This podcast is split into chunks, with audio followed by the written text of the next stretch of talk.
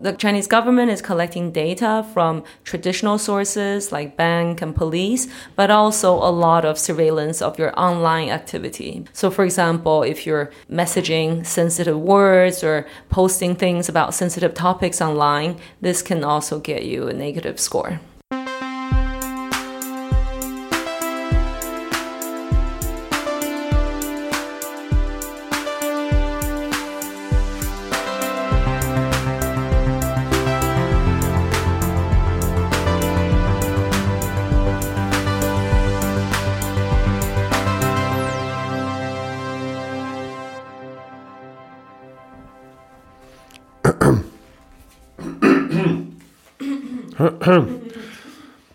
okay, uh, this is uh, Heja Framtiden. We're broadcasting from uh, Gather 2019 uh, in Stockholm.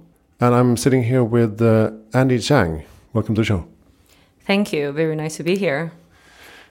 you just did uh, an interesting talk on the age of surveillance economy, which is a hot topic nowadays. And we're going to go into a bit more detail about that. But first of all, uh, what is your background? So I was born in China and I moved to Sweden from China when I was 10 years old. Um, I have a master's degree from the uh, KTH here in Stockholm. And after that, I worked with multinational companies um, in technology, strategy, sales and marketing, etc., in China and in Sweden. So I was working in China for eight years. Um, recently, I moved from China to Munich. So that's a little bit about my background. Uh, so you're based in Munich now? Yes. Right now I'm based in Munich. Yes. You caught my interest because you were talking about the social credit system in China, which is, uh, as I understand it, being rolled out increasingly now. And I think a lot of people have heard about it, but few people actually know what it means. Can you explain to our listeners a bit what it exactly entails, this social credit system? So basically, it's a way of assessing the trustworthiness of individuals and businesses in China. Because in China today, there is lacking a um, credible source of basically credit rating for individuals and for governments. So they don't have the systems and institutions that we have in Sweden or in the West, which builds on many years of uh, historical data because China only became a market economy in the end of the 1990s. So all the companies are very young. So what it is is that um, based on your behavior, for example, uh, paying your bills on time, or if you do good things uh, like uh, donating blood, or bad things like traffic violations or not paying your bills on time, you can get plus or minus score. And if you are a good citizen, you behave well, you pay your bills on time, you can get a high score, and this brings a lot of conveniences in daily life. For example, a good interest rate from the bank, or um, you can uh, rent a car without a deposit, stay in a hotel without a deposit. And if you have a low score, you can be punished, and this can impact your daily life as well. For example, being denied a bank loan, or if you're really bad, not even uh, being able to travel. So the Chinese government is collecting data from traditional sources like bank and police, but also a lot of surveillance of your online activity because we live so much of our lives online now. So for example, if you're messaging sensitive words or posting things about sensitive topics online, this can also get you a negative score. And as you mentioned, uh, they don't have Google in China, no Facebook, no Twitter, no WhatsApp. They all have Chinese uh, alternatives, and uh, they are huge, and they are all more or less controlled by the government, right? Yes, basically, the reason why Google, Facebook, etc., are not allowed to operate in China is because the gov Chinese government has a rule that they need to be able to control you. And these tech giants have said, no, we don't want to be controlled by you. So that's why the Chinese government banned them. So the Chinese government do this, control the internet by building a a firewall. We call it the Great Firewall of China, where there are censorship mechanisms and also people who are actively censoring this material. So the Chinese government can decide what people in China can see on the internet and cannot see. But you're from Shanghai, right?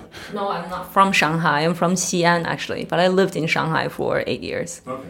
But I mean, Shanghai is uh, one of the most uh, futuristic cities in the world and um, uh, is very well developed. Um, are are people actually um, uh, living by these rules? Yes, so that's the interesting point. Um, from the West here, we think it's completely crazy. How can the Chinese people be so ignorant to this type of surveillance and control? And it's just like you say, my friends in Shanghai, when I was living there, they're all highly educated young people. They are just like you and me here in the West. And Shanghai is a modern metropolis.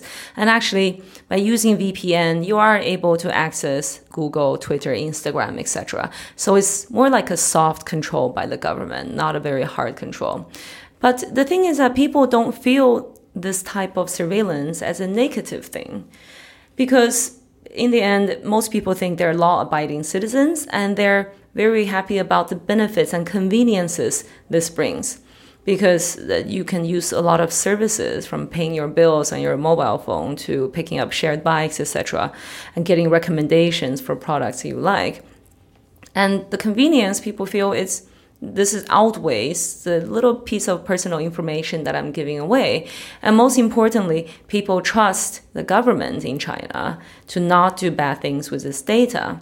And what I really wanted to highlight today with my talk is that this is not just happening in China. This is happening in our daily lives in the West as well. Because when we use the services of Google or Facebook or Instagram, we are doing the same thing. We're offering our personal data for free in exchange for social media popularity or convenience in you know getting recommend, uh, restaurant recommendations nearby etc and we are not really concerned that these tech giants will do something bad with our data. But what do you see in the future? Do you see that more governments will lean towards this sort of system I think that the European Union is now taking the lead in starting to regulate uh, the tech giants. For example, I read that the new um, uh, European Commissioner, Ursula, uh, she has just assigned, first of all, she has escalated the issue of regulating US tech giants to be one of the top three priorities. And she has uh, nominated an executive vice president, who is Margareta, I forgot her last name, but from Denmark, to be uh, working on this topic. And also in Europe, we have GDPR, which is really the first sort of comprehensive system to try to regulate and protect individuals' data. So I think more governments in the West will become will realize the importance of this because their people, the citizens, are becoming more aware of it. I mean, we hear of data breaches uh, every month, and now with documentaries like The Great Hack, etc., we become more aware of what the influence that these tech companies has in our you know how we formulate opinions how we vote for example. Because what they're doing is eroding the democratic processes eroding the democratic society that we live in. But but my question was actually regarding the uh, social credit system. Do you think that will be used by more governments um, in the West, there is already an established institution for, say, financial credit rating, right? This information we can get. And now more it's about digital, how to use the online sources and digital sources. And I think the government will look at how to use them for the benefit. For example, health records of people. Um, you know, having access to this data and analyzing it can actually lead to advances in treatments and medical, etc. Um, but I think what's really important here is for the government or the European Union to set some kind of ethical guideline. What is ethical to do and what is not ethical to do? Same thing with political campaigns. We cannot allow the Cambridge Analytica thing to happen again. We need to set some boundaries on what is allowed and what is not allowed. Do you see any benefits of the, the system in China? Yes. So in China, the problem today is that there is a lack of trust in society because the development happens so fast. In less than 30 years, China changed from a completely um, centrally planned economy, no private ownership of assets, to now this complete new digital age. So the change happened too fast, and and the, the, the, regulation just couldn't keep up. And also for individuals, they're so happy about the benefits and the increase in life quality that we're having that people are not stopping to think about the negative aspects of it. And i think it will come with for example some scandals breaking out um, and people will become more aware.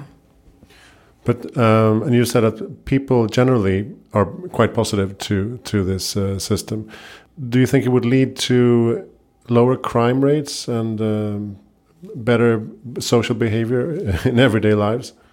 Yes, but that's for sure. It will lead to lower crime rates. But it's interesting you mentioned better social behavior because this implies that somebody is deciding what is good and bad. And this is really the difficult question here. Who is allowed to decide what's good and bad? Today, in the online world, in China, it's the Chinese government who decides what's good and bad. In the West, it's basically Google and Facebook, right? No government is allowed to tell them what they should show and not show. And this is the problem. Mm. And you mentioned the, the EU trying to regulate the, the, tech giants so we don't end up in uh, this autocratic uh, surveillance world. But uh, do you think um, we can um, make this shift, or is it too late? Are we already in the hands of the, the, the data? I think we're definitely a little late. For example, right now, if you think about who is shaping our digital world, it is not our government. Like mentioned by one of the speakers today, none of the political parties in Sweden have any policy on digital and data. So the, the political parties are so far behind that they really need to catch up so that we can go back to a democratic process, which will include digital and online topics as well as offline topics. Can we say something about the, the tech giants in China? We mentioned that they don't don't have Google or Facebook or Twitter. And what, what do they have instead? So in China, instead of Google, so for search, we have Baidu search. And instead of Facebook uh, or social media in general, we have an app called WeChat, owned by Tencent. So actually, in the West, we have you know Facebook, Apple, Google, Amazon, etc. In China, we have BAT, that's Baidu, Alibaba, Tencent, and they run all the tech uh, giants in China. So it's actually very interesting how China has developed this completely different, separate online world, but almost like a mirror of the Western. Mm. Either they're learning or copying from each other, or they're just uh, have found the same ways to exploit people's online behavior and data. And, and WeChat also has uh, all the payments included, right? Yes. So uh, payment, actually, this is probably one of the reasons why people in China welcome these tech giants because with the mobile payments that both Alibaba offers and WeChat offers, um, it brings a lot of convenience. So China is completely cashless now. And I read in the Financial Times yesterday that even beggars on the street in China can accept mobile payment. Mm. And this brings in really a lot of convenience. But this also means that the companies running the payment service have data about you. They know where you go, they know what food you order, they know what you buy, basically your financial track record. Mm. And our, our kids are now starting to get totally obsessed by TikTok, which which is also Chinese. Should we be concerned? I think with any new app or digital service we use, we should read the privacy policy because uh, some of them are kind of crazy. I haven't read TikToks, but I have read some others. Basically, they say if you download this app, we can take all the data from your browsing history from your phone. We will know every app that you use, etc. And that for me is kind of scary. So I encourage everybody to read the, take the time, read the privacy policy, and decide if it's really worth the five minutes of fun that you have with this. Uh, so, so, what do you see in the future generally for, for China? Yeah, what, what are the main obstacles now ahead? Well, I think China will continue to develop very fast. And here we know that China is uh, not taking the lead, but one of the top two in the world after US when it comes to artificial intelligence, facial recognition, etc. And the benefit uh, or the competitive advantage that China has is a large population. So you have billions of people who don't really care about their personal privacy. This is a ripe ground for these companies to use this data and, and develop their algorithms. And this will definitely continue to happen as long as there's no big scandal breaking out, you know, where the public will feel, okay, this is terrible. I no longer want to agree to this service. What about sustainability? Are they uh, shifting towards um, more sustainable practices as well?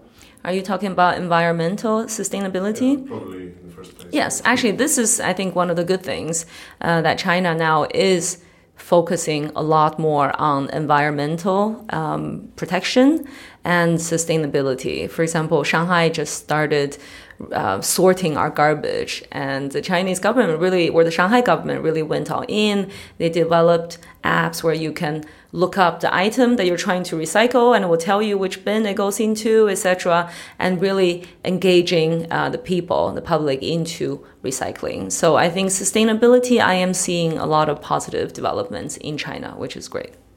Uh, how can we make sure not to uh, become uh, puppets in the future? Should we take more responsibility individually?